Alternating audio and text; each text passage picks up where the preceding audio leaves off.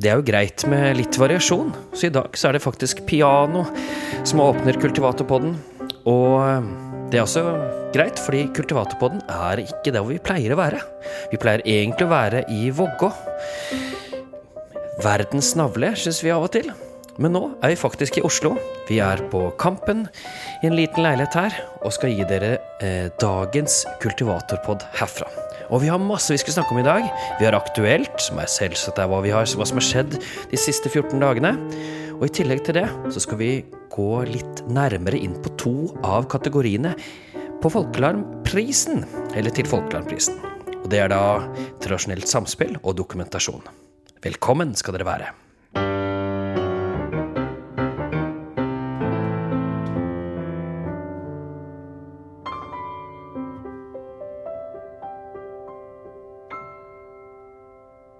Det er så fint når pianoet er reint, syns jeg. Og det hører vi nå. Et eksempel på et piano hos Tor Magne Hallebakken eh, på Nesbyen. Et elflygel, tror jeg faktisk det er. Men min kjære kone Mette, det er jo vi som driver denne kultivatorpodden. Har du det fint? Jeg har det kjempefint. Ja. Og du har jo vært i Oslo nå, noen dager, har du ikke det? Ja, du, vet du hva? det må vi få en aldri så liten juniorreporter til å snakke om det i en seinere episode, tror jeg. Men eh, Norges musikkhøgskole har jo et eget eh, talentutviklingsprogram, TUP, for folkemusikere. Der hun har vært så heldig å komme inn. Og denne helgen har hun vært med på et eh, enormt orkesterprosjekt hvor de skal spille ikke folkemusikk, men Dvorsaks åttende symfoni. Wow. Så jeg har vært eh, støtte, hva heter det? Eh, støttemannskap. Ja, mm. Ja, ikke sant? Ja. Nei, for jeg kommer nå rett fra Stavanger. For der er det en konsertserie som heter Gårdlaus.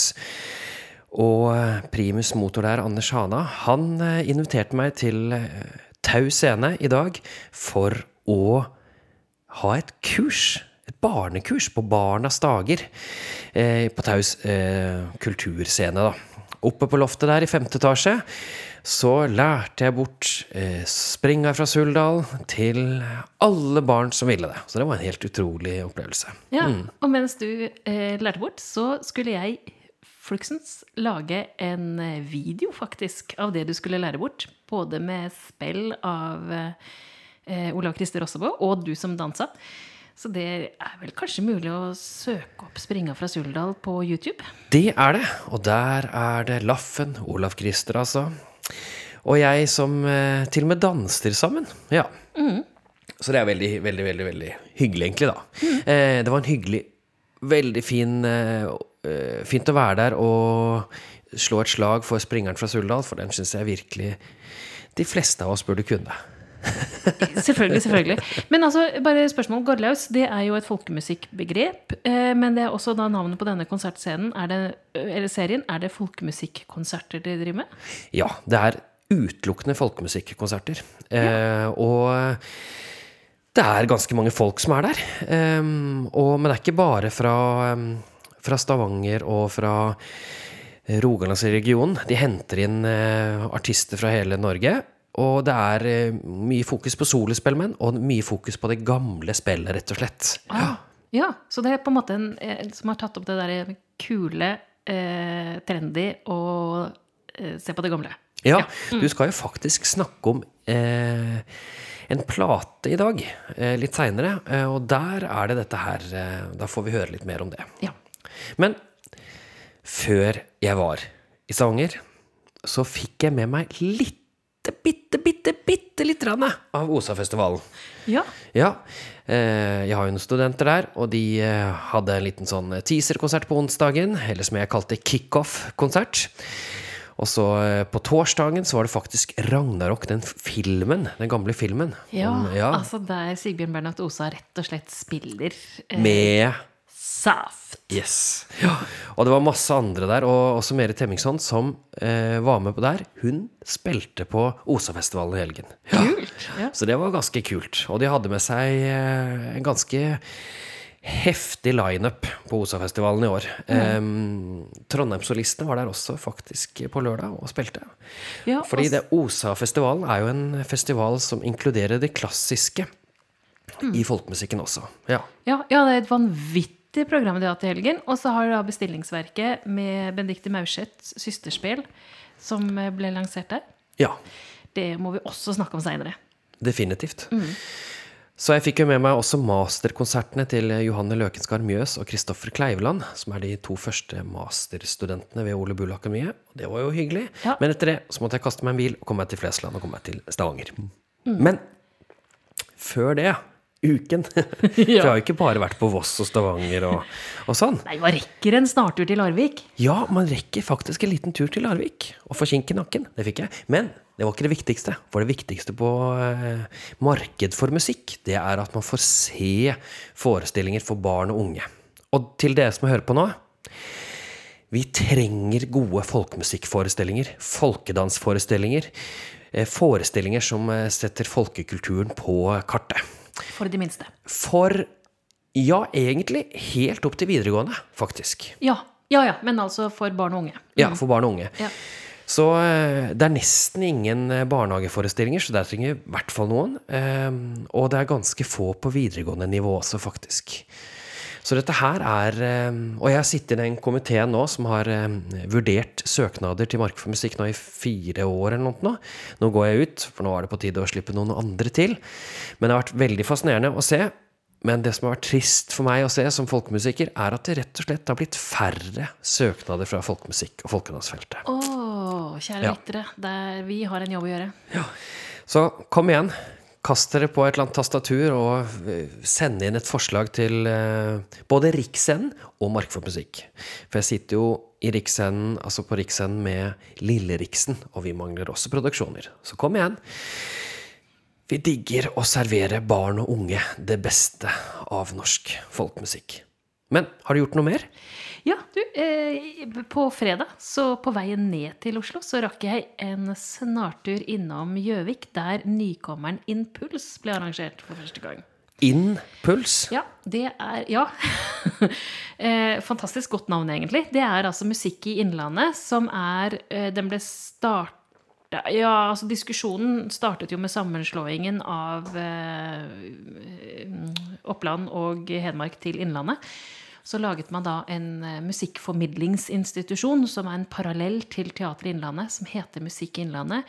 Ledes av ingen andre enn folkemusikeren Solbjørg Tveiten. Eh, og hun er drivende dyktig. Altså, det må jeg bare si. Jeg er så imponert over hva hun har fått til. Og satte i gang med storsatsingen eh, Impuls, som er bransjetreff. Eh, og det jeg syns er kjempegøy her, er jo at eh, altså her er det jo ikke sjangeren som definerer bransjetreffet, som det f.eks. er på Folkelarm, som vi skal snakke om seinere, men geografien. Og det gjør at det er så mye forskjellig ulik musikk. Jeg tror det er over 30 konserter. Jeg satt i et panel som skulle diskutere det å arrangere, og det å ta sats når du arrangerer, og tørre. Bare gjør det. Og det er jo det Musikk Innlandet har gjort her. Og du skal jo nærmest avslutte musikk, eh, Impuls. Ja, for eh, i dag er det lørdag. Det er da vi spiller inn den her i Oslo. Så i kveld så drar jeg opp dit. Eh, overnatter på et hotell og står opp i morgen og forbereder meg til å ha en solokonsert på kaféscenen der.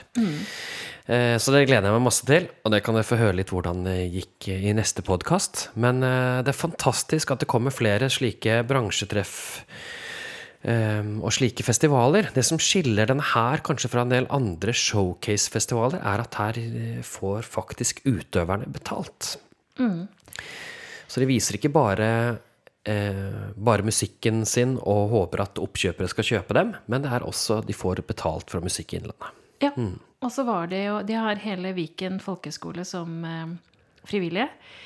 Eh, og som da de som er på vei ut, som får møte så mange ulike artister på så mange ulike sjangere. Eh, altså det, det, liksom, ja, nei, jeg har så troa, og eh, bare si gratulerer.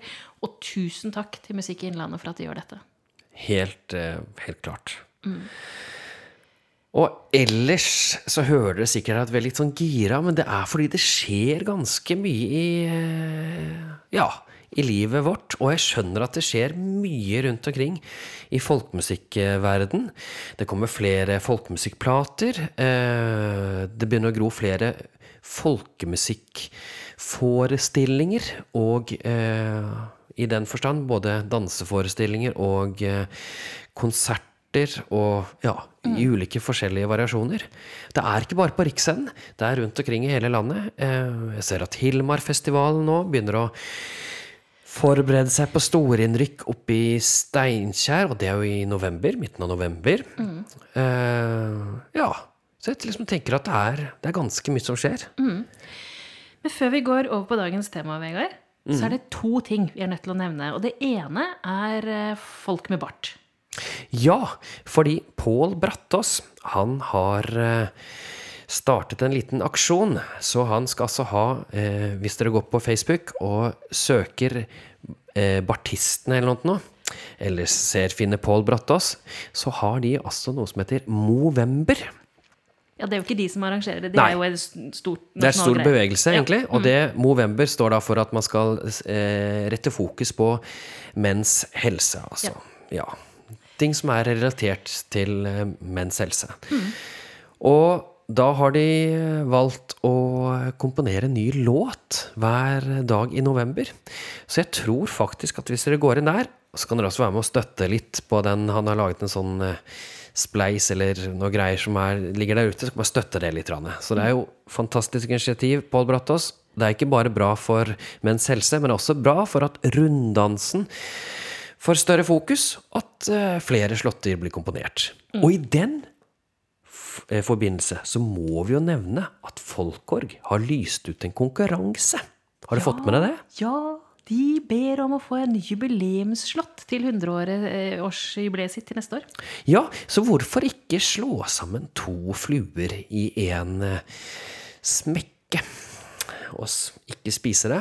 Eh, det er altså at disse her Movember-folka kanskje sender inn låtene sine også til Folkårjubileet. Ja. Det tror jeg sikkert er lurt. lurt. Og så, eller kanskje ikke låta at det er publisert, det husker jeg ikke helt. Det er noen regler der. Men gå i hvert fall inn Ja. på Folkorg sine nettsider og se på hva som er reglene for det. Og så kanskje denne slåtten kan bli brukt under hele jubileet til Folkorg. For Folkorg er feirer neste år. Hvorfor gjør de det, Amette? Nei, det er jo 100 år siden de ble stifta, da. 100. Tida går så fort, altså. Ja, jeg husker det sånn det var i går. De starta på Vestlandskapleiken da, i eh, 1923 som et uh, særlag i Norges ungdomslag. Nei, du, det var tider. Det var tider, Vegard. Ja ja. Men heldigvis. Vi, er, eh, vi holder oss unge fremdeles, Mette. Ja. Så, men eh, bare kort nevne at vi også har da bedt om å få nominasjoner til Kultivatorpodprisen, som deles ut eh, like før jul. Og det er altså kategoriene Årets platecover. Ja, hvordan, hva, hva slags Altså, da skal folk bare si at 'jeg liker f.eks. det og det platecover best'. Ja, så bare tips oss! Jeg trenger ikke å sende noe bilde, eller bare tips oss med det. Ja, for det er, eh, hvis ikke så blir det jo bare det vi har fått med oss. Og det er bare å innse at vi ikke har fått med oss alt. Så tips oss. Hvis du har noen platecover du liker, send det.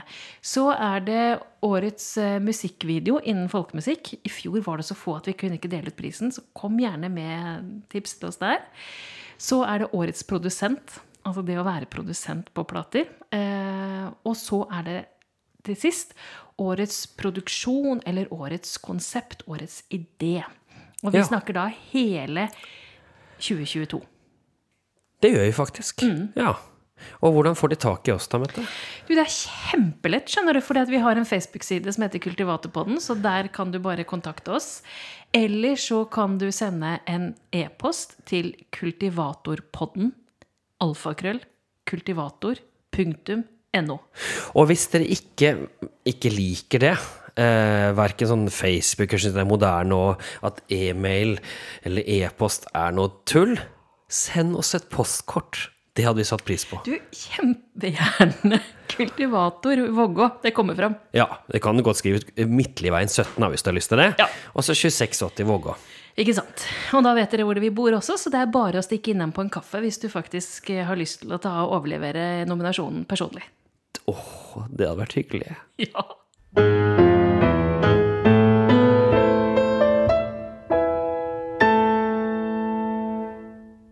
Og vi må jo si at det har vært mange eh, artige plater som har vært nominert til Folkealarmprisen. Er du ikke enig? Jo, vet du, eh, 19 stykker sammen, var det ikke det vi telte opp? Ja, det var vel noe sånt nå, ja. Ja.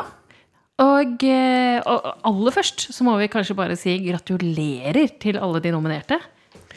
Ja, for det er en ære å bli nominert til dette her. Og det som er også litt artig, som jeg må si som en slags trend, er at nominasjonen til Folkelandprisen er ganske annerledes enn bookinga til Folkelarm. Ja! Og det, og det, det, er, det er så gøy å se at, eh, at det skjer så mye at ulike juryer kan komme med så ulike resultater. Ja, og det, det syns jeg er kult, jeg.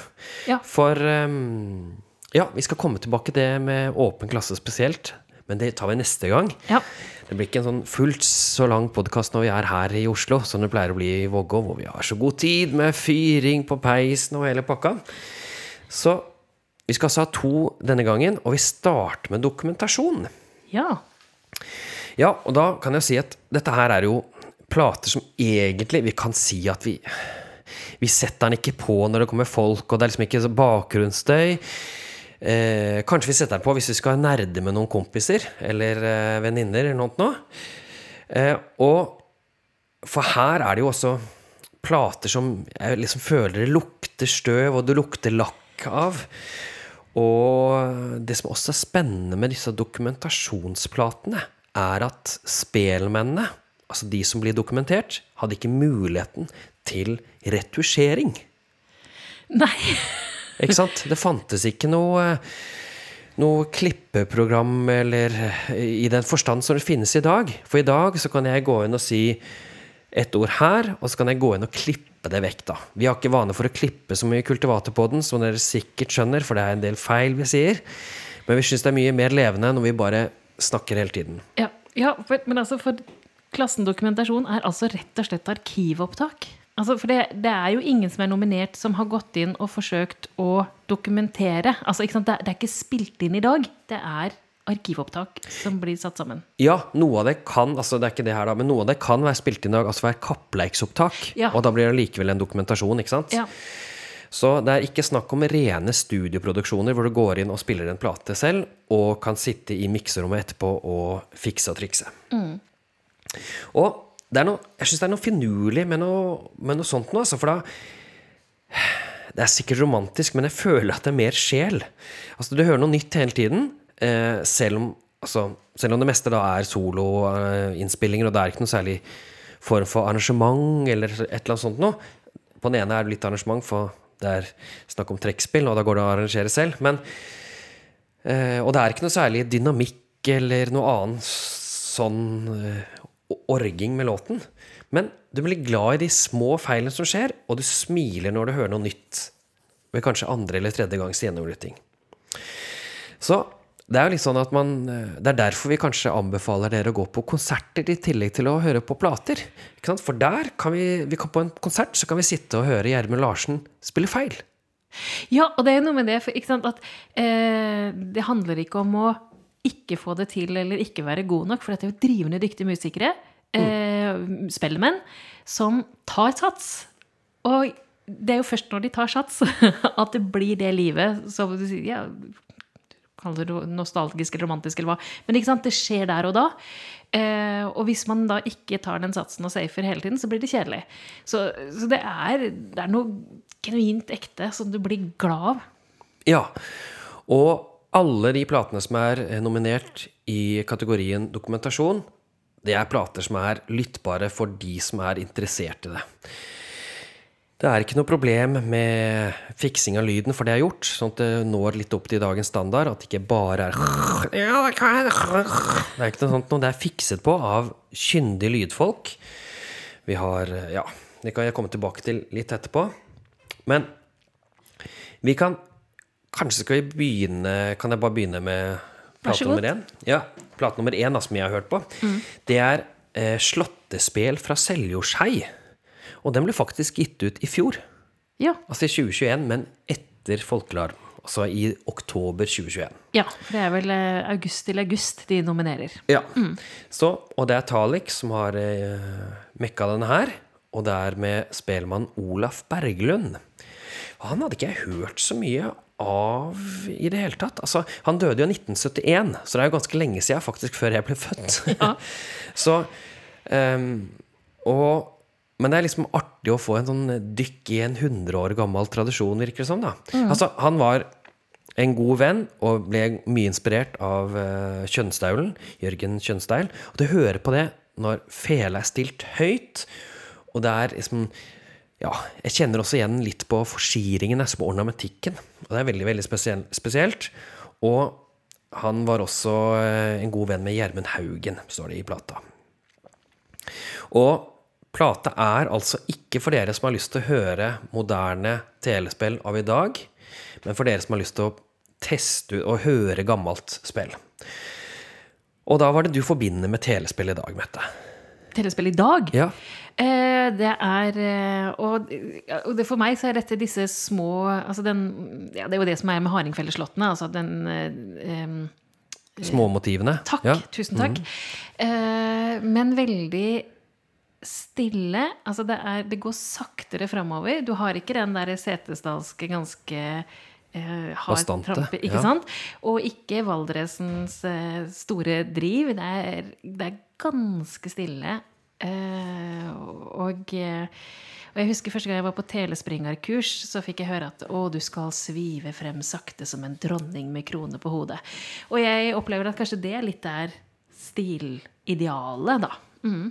Ja, og det er litt sånn interessant, for jeg snakket litt med Per Anders Buen Garnås. Vi var så heldige en gang å få dele en kveld på Riksscenen hvor vi skulle se på arkivopptak sammen. Og hadde salen full av folk som eh, vel eh, fikk en liten annen oppfatning av hva telespill og teledans var. Ehm, for det er jo eh, Kanskje i dag så maler vi det litt mer utover. Det er kanskje litt saktere, og det er kanskje enda mer forsieringer. Mens her hører vi veldig mye luft i spillet. Altså at det er pauser, at man kortere strøk. Og det gjør at det er enklere på et vis å danse til, for da er det enklere å forstå rytmen. Akkurat som hvis man hopper opp og ned, så er det enklere å klappe eh, rytmen til den som hopper, enn hvis man bare svikter opp og ned litt langsomt. Så, så disse luftene bidrar til at det er godt dansespill, og det er tydelig at han var en god dansespillmann. Men det som også er morsomt, er at noen av låtene går overraskende jevnt. For hvis man tar Her er det land som hujar meg mest, så er det én, to, tre, én, to, tre, lang eh, Lang, middels kort og lang, middels kort. Men her er det kanskje lang, mid, eh, eh, middels, middels kort, mid, lang, middels kort. Så det er variasjon innad, og noen ganger helt jevnt. Fordi det går ganske raskt, rett og slett. Eh, veldig, veldig, veldig spennende eh, produksjon. Hvis dere kan litt om telespill, så jeg anbefaler å lytte på den. Så får man litt mer å henge fingrene i når det gjelder telespill. Ja. Har du noen spørsmål til eh, Slåttespill fra Selger seg? Eh, nei, nå må jeg gå og høre på den en gang til. Ja. så da hopper jeg videre, for det er jeg som har denne her. Eh, så det er to eh, produksjoner til. Da kan vi ta Knut Myran sin produksjon. 'Fra morgen til kveld'. Han lever nå fremdeles, han her. Og eh, ville gjerne på sine eh, eldre dager gi ut de låtene han eh, trivdes godt med. Og da er det blitt en dobbelt-CD. Og den første CD-en, eller dobbeltalbum, da Første CD-en, det er med Bygdalslåtter. Altså springar, gangar og litt sånt. Mens den andre er gammeldans. Og det er med et gammellandsband. men det kan vi komme tilbake til. Altså Knut Halvars som da spiller. Og da er det Ja, det kan vi komme tilbake til. Jeg skal først ta Bygdalslåttene. Og jeg hørte på denne her eh, da jeg var, kjørte fra Voss til eh, Marked for musikk i Larvik. Og da kjører jeg gjennom eh, Numedal. Så da jeg hadde fylt eh, diesel på eh, s- på Geilo, så satte jeg på Knut Myran og lytta på det eh, nedover. Det tok jo noen eh, timer, for å si det sånn. Ja, for han er fra Numedal? Ja. Ja. Bor, eh, bor i Hallingdal nå, Nesbyen, men eh, Numedalsspill som han spiller. Og det, den klangen som han får ut av instrumentet, er jo helt rått. Og altså, mens jeg raste forbi det ene elgfarskiltet etter det andre, så fikk jeg, ble jeg liksom fylt med Knut Myran sine, eh, sin hardingfele. Og jeg liker mye av låtene, og jeg syns Førnesbruden, hans variant av den, er helt rå, altså. Den er så ned, nedpå, den er så nedstrippet.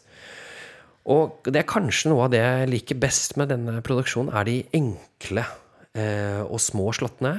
Eh, for der får man litt eh, inntrykk av de særegenhetene som eh, Myran har. Som er bra. Eh, ja. Det var CD1. Så kommer CD2. Der er det altså spiller Knut Myran hardingfele i eh, gammelandsgruppa Knut Halvars. Og de har jo fartet land eller strand rundt. Jeg husker at jeg hørt, hørte de på i eh, ja, Fagernes en gang. Jeg tror det var landsfestivalen eller noe der. Og her er det jo også gamle opptak, og da er det jo kan vi si trekkspillet som dominerer, og litt sånn sang av og til, og, og bass og gitar. Det er ikke så mye hardingfele. Men vi får et inntrykk av hvordan det fungerer. Og der virker det som at det er ikke helt like nøye valgt ut hvilke slåtter som skal være her, for det er ikke alltid at hardingfela kommer så godt ut av det. For det er noen tonearter som er vanskelig for hardingfela å spille sammen med trekkspill. Uh, ja. Og ja, jeg må kan trekke fram en som ikke var en høydare her, da. Altså, Gamla kom inn att og kleia seg på et eller annet. Ja, ikke sant? Der var kanskje ikke hardingfella så eh, vellykket i kombinasjon med trekkspillet. Men det er jo, som jeg diskuterte med noen litt seinere eh, på Voss, at det er jo en dokument... Det er jo en, eh, det er jo en tradisjon, dette her også, og det er supert å få den dokumentert. Ja. Men hva ja, tenker du? Nei, for jeg lurer litt på her, for hvem er det som har eh, Altså, du sa den første fra Seljersøy var eh, Tallik. Dette er Etnisk musikklubb. Ja. Mm. For eh, det skal sies at eh, da vi satt og skulle fordele arbeidet her, og vi skulle finne ut av eh, disse CD-ene, så igjen Det var nesten umulig å finne informasjon om CD-en. Ja. Det var Heldigvis så fant vi den på Spotify, selv om det står på Folkealarmsiden at den ikke finnes der. Ja. Så finnes den der, i hvert fall, så vi klarte det. Men det var vanskelig å finne informasjon om plata, ja. ja. Så dette er bare basert på ting jeg vet fra før, og litt googling om Knut Myran og sånn. Ja.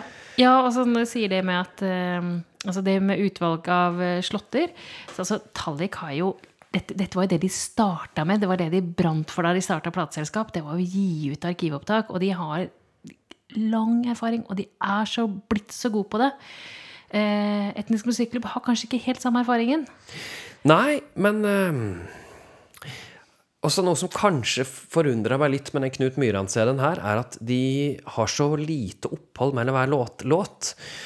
Så da går det veldig eh, over hverandre. Og hvis Hardingfjellet er litt ulikt stemt, så blir det vel, så føles det som de første ti sekundene er sure, rett og slett. Men etter hvert så blir man vant til det. Men det blir litt, litt bitte litt slitsomt, syns jeg. Uh, ja.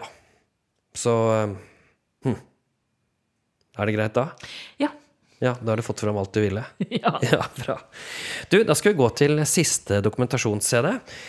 Og det er fra plateselskapet Aksent, som Håvard Svensrud står bak. Og da er det Ottar E. Akre, altså soloinnspillinger fra over 100 år. Altså over 100 år siden. 1919, 1922 og 1938.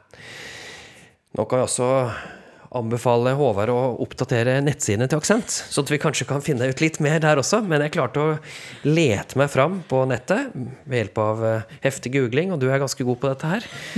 Så vi klarte å finne litt. Men her vet vi at lydrestaureringen står eh, Altså er gjort av Audun Strype, som virkelig er god på dette her. Ja, han har, eh, Håvard og han har samarbeidet masse med disse platene, og det er helt tydelig at dette her skal kunne høres på. Eh, overalt, og ikke uten at man får vondt i ørene. Altså, ja, mm. ja. Og, og, både Aksent og Tallik har vel klippekort på å få nominasjoner til dokumentasjonsklassen. Det kan vi si. Ja. Definitivt. Eh, og jeg digger sånne plater som er tilbakeskuende som dette er, over 100 år. Og dette spillet her la jeg meg begeistre. Jeg vet at den ble anmeldt, eh, platen ble anmeldt i uh, folkemusikk. Og da det liksom, uh, ble det nevnt litt at den kanskje ikke kan høres på, at det er for de spesielt interesserte. Og vet du hva? Her er jeg litt uenig. Fordi det er lett og luftig spill, eh, men kanskje litt aggressiv eller bestemt tone. Men det er helt annerledes enn masse trekkspillmusikk vi hører i dag.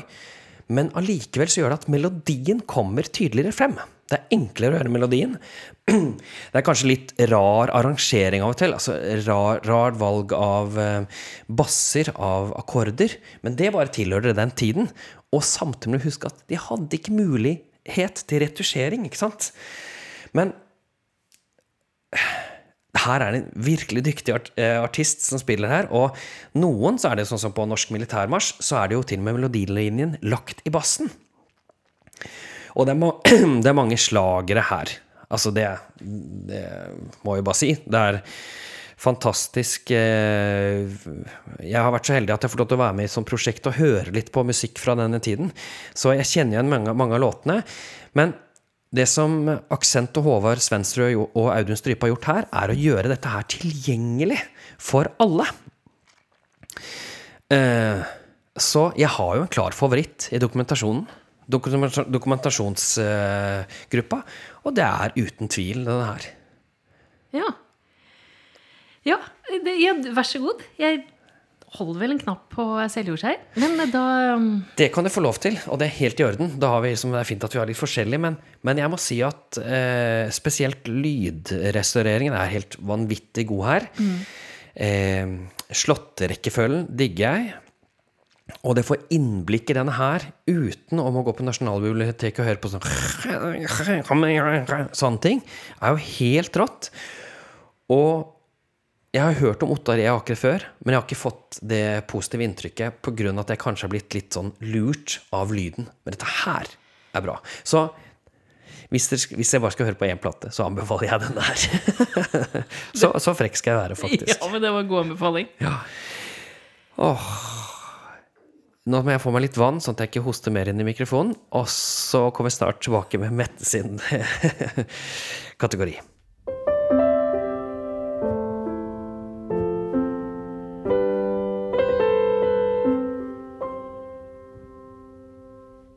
Og nå kommer en kategori som eh, det måtte bli deg som hadde, fordi jeg er litt inhabil, rett og slett. Ja, rett og slett. Det var veldig greit når vi skulle fordele kategorier. Vi fikk eh, ni album eh, hver, og jeg fikk de kategoriene der du var inhabil. Ja. ja. Så da har du nå det som så fint kalles tradisjonelt samspill. Og da må jeg bare spørre aller først. Hva er tradisjonelt samspill? Altså, Vegard, det finnes mye tradisjonelle samspillformer i norsk folkemusikk. Eh, men ingen av de som er nominert her, er tradisjonelt samspill. Så det er ikke oktavspill, det er ikke sekundering, det er ikke spelmannslag? Nei. Nei. Eh, og det er Altså, eh, jeg har ingenting imot de nominerte, for fy flate hvor bra plater det er. Men begrepet tradisjonelt samspill her henger ikke på greip, så jeg tror det de tenker, er at dette er tradisjonelle låter som er relativt sparsomt arrangert, i den forstand at det er ikke dratt ut i popmusikk, jazz eller eller andre ting. Det er stort sett folk... Ja, det er jo ikke bare det heller. Det er ikke det heller. Nei. Nei, for det holder seg. Men er, kanskje vi kan si at det er eh, at det er samspillformer som har prøvd å sette folkemusikken ganske høyt oppe, ja. og hvor folkemusikken lyser igjennom i arrangementene, kanskje? Ja, så det er, litt, det er sånn Det er eh, nesten åpen klasse, bare litt mer tradisjonelt? Eller litt mer mot det tradisjonelle? Litt mer mot det tradisjonelle, ja. Ja, ja, okay, jeg var enig i det. Men den, mm. er, den er bra. Men du, kan vi ikke ta den plata først som jeg virkelig er inhabil på? Der vi har produsent. Kan vi ta jo, det? Ja, det kan vi godt. Ja. Bare... For det er en plate som eh, er spilt inn av eh, musikeren Espen Vensås. Og der var jeg med som produsent i studio. Og da er det Espen Vensås og Bjørn Kåre Odde som er med. Men det er Espen sin, sin soloplate, og den blir kalt Du, dette er altså Lilleslåtter. Eh, og det, eh, det er 14 låter fra Gudbrandsdalen. Og Espen Vesaas han spiller gitar, og Bjørn Kåre Odde spiller fele. Eh, og så har jeg funnet fram et sitat fra, av Espen sjøl om, eh, om, denne plata og om musikken.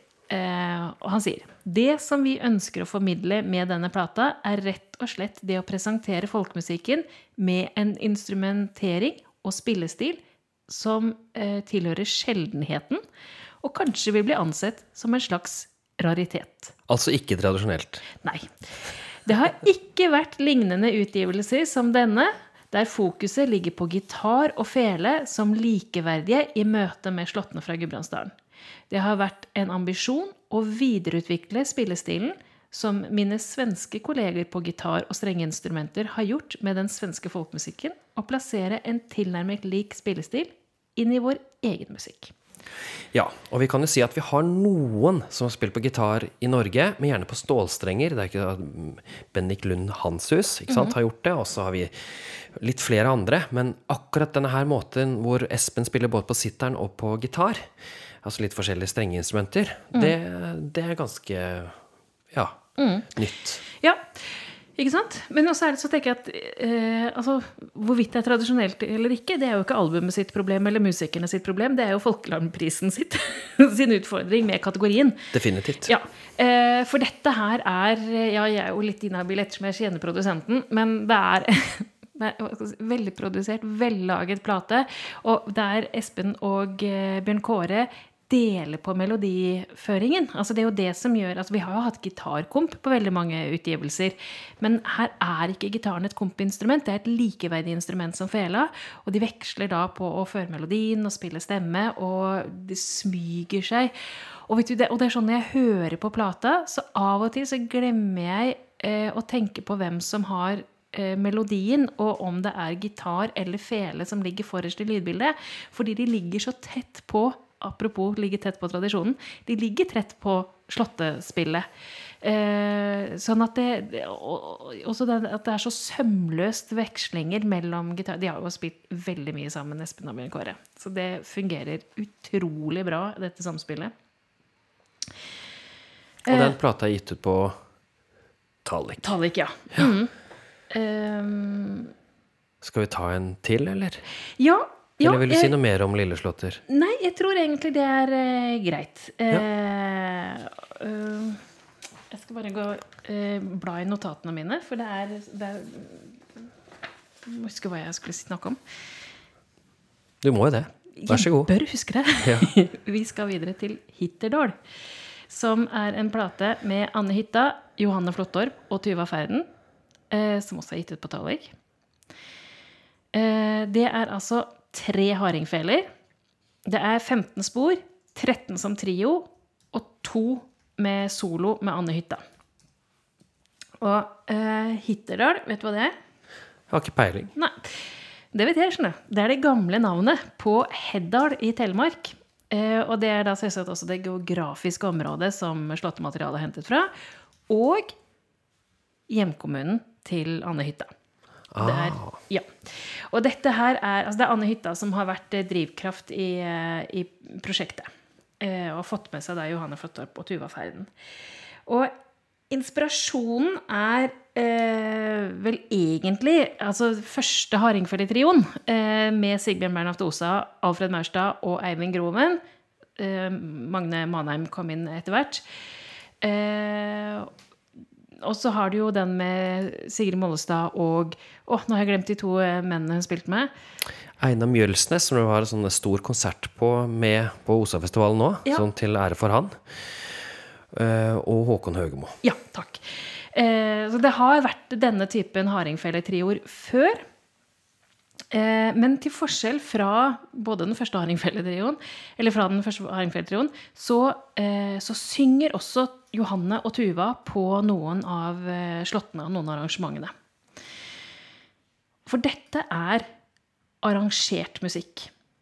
Altså heller ikke tradisjonelt samspill.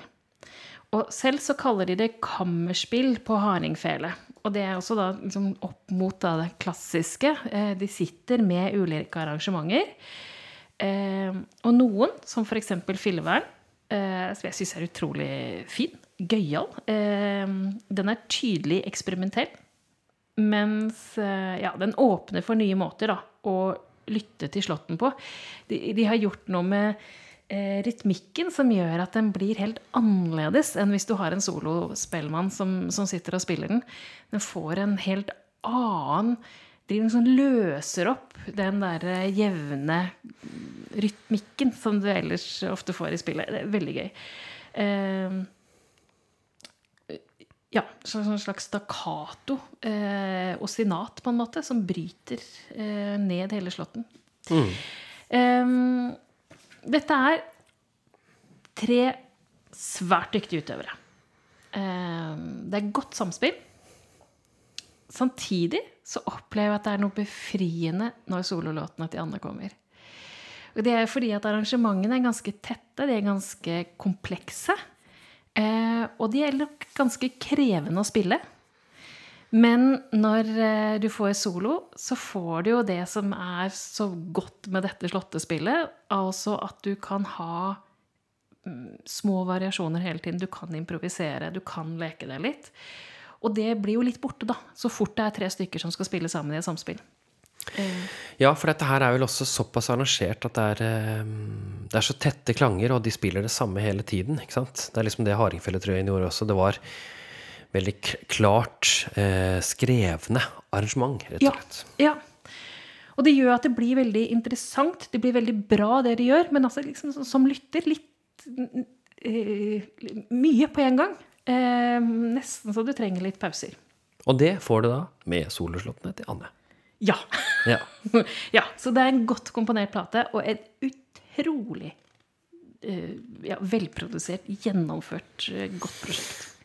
Ja, men det er også interessant å høre de, eh, for her er jeg ikke noe inhabil på akkurat den platen her, eh, høre de i forhold til Hardingfelle-trioen. For da Det som skjer, er jo at det er to forskjellige lydbilder, så hør, liksom på, hør på forskjellen på det, og så hør det forskjell mot eh, ny, gammelt, nygammelt, som da er den eh, trioen med Einar Mjølsnes, Håkon Høgmo og Sigurd Moldestad. Moldestad.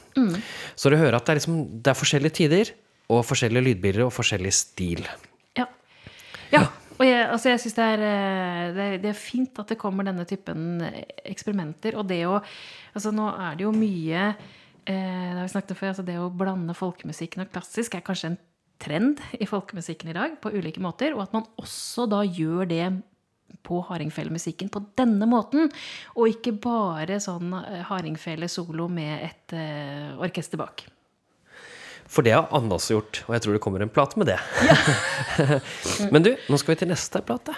Ja, og det var det hvor du sagt, snakket om eh, at du hadde vært på Gorlaus og hadde denne nye måten å se på arkivopptak på. Altså bruke arkivopptak som eh, stilideal. Ja, for her er det altså Anders Hana og Olav Christer Rossebø, som også kalles Laffen. Eh, De har gått sammen og lagd en ny plate, og der er det også et helt nytt lydideal på denne platen her. Ganske spennende. Vi hadde jo eh, favoritten vår der så når vi anmeldte den eh, på podkasten, var eh, den lille etterslengen med, med Masurkan. Ja. Eh, Men hva, hva tenker du nå, da? Nå som det har gått litt tid og eh, Ja.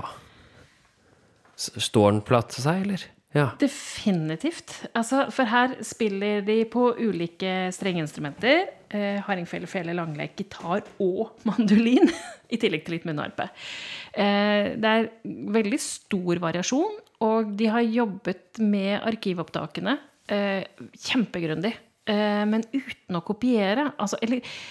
For det er noe med det å ønske å kopiere et lydbilde, en fascinasjon, en tonalitet men allikevel løfte det inn i 2022. Uh, og det, det fascinerer meg fortsatt veldig. Altså det, er, det er som om du hører knirkingen uten at den er der. ja, for de har gjort det ganske med lydidealet også, så de vil jo liksom fram til det positive med disse knirkete opptakene. Så, så det er ganske spennende, syns jeg.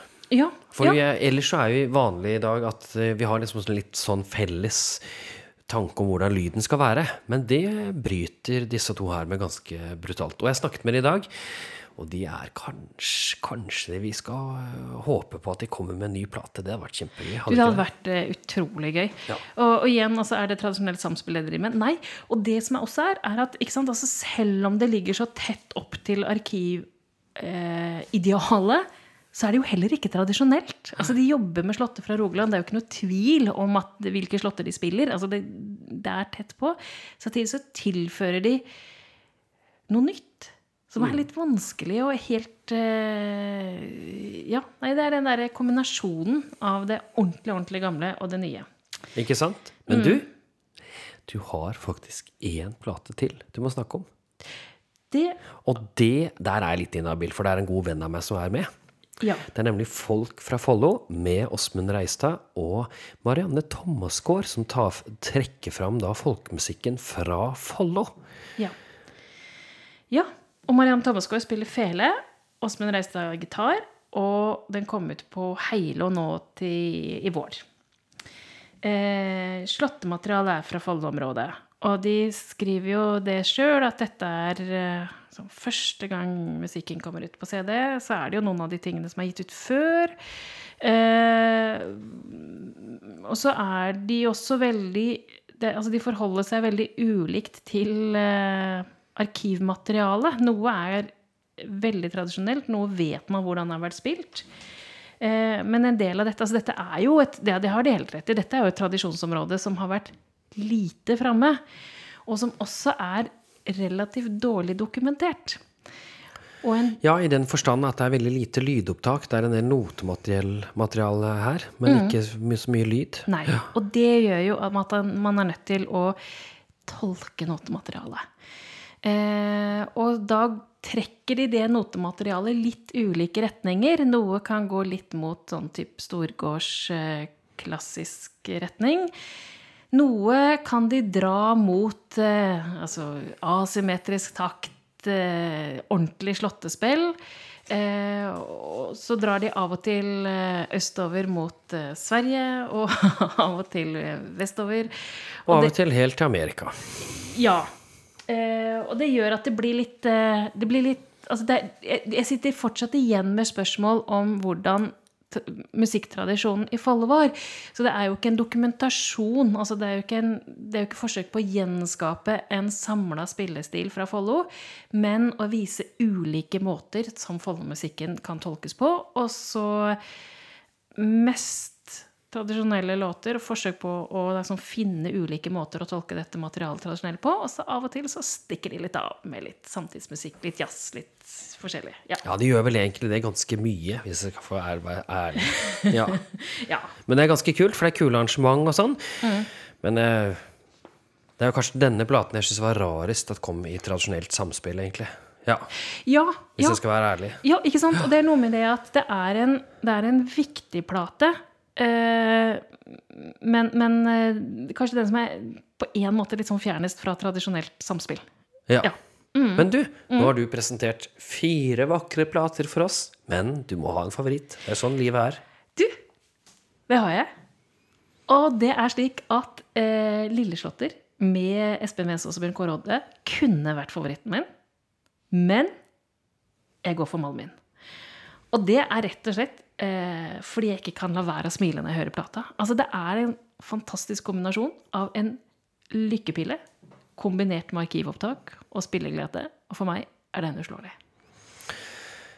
Ja, og nå skal vi egentlig mene forskjellig, da. Du kan være enig med meg. Nei, vi må mene forskjellig. Det er jo det som er greia her. Eh, Men det er to av platene jeg ikke kan mene noe om. Eh, og jeg kan jo si at jeg egentlig ikke kan mene om Malmen heller, for jeg er jo god venn med, med Laffen. Men Nei, ja, kanskje da må det bli Hitterdøren, da. Eliminasjonsmetoden. Ja, det blir det, da. Ja. Jeg er god venn med noen av de der også, men ikke så nære venner som jeg er med noen av de andre. Nei, jeg vet ikke helt. Jeg er litt usikker, faktisk. Jeg ville nok ha valgt meg noen helt annen, andre CD-er i denne, i denne kategorien. Ja. Så det er det som kanskje er jeg faller ned på. Men da har vi altså to hytter fra i dag, og det er ikke Hitterdalen. Det er Malmin og Ottar i Akre. Akre. Så da, Mette. Da ble det en eh, god og lang podkast allikevel. Selvfølgelig. Vi har nok å snakke om. Ja. Men hva skal du gjøre nå, da? De neste ukene? Helt til vi får treffe deg igjen? Ja. Eh, du, eh, det er en del søknadsfrister som eh, bare må eh, holdes, så jeg skal sende søknader. Så har jeg studenter både i Volda og eh, som skal ha tilbakemelding på sine oppgaver. Og så har jeg en student på Studentboligboligakademiet som er i ferd med å finne ut noe så utrolig mye spennende. Eh, og han skal ha en ny veiledningstime, og det gleder jeg meg til. Ja, så bra. Jeg skal på turné neste uke. eh, Og jeg skal på turné uken etterpå. Så da skal vi bare si at vi sees her på samme sted, da. Om 14 dager. Om 14 dager. Om det er greit. Ha det godt, da. Ha det.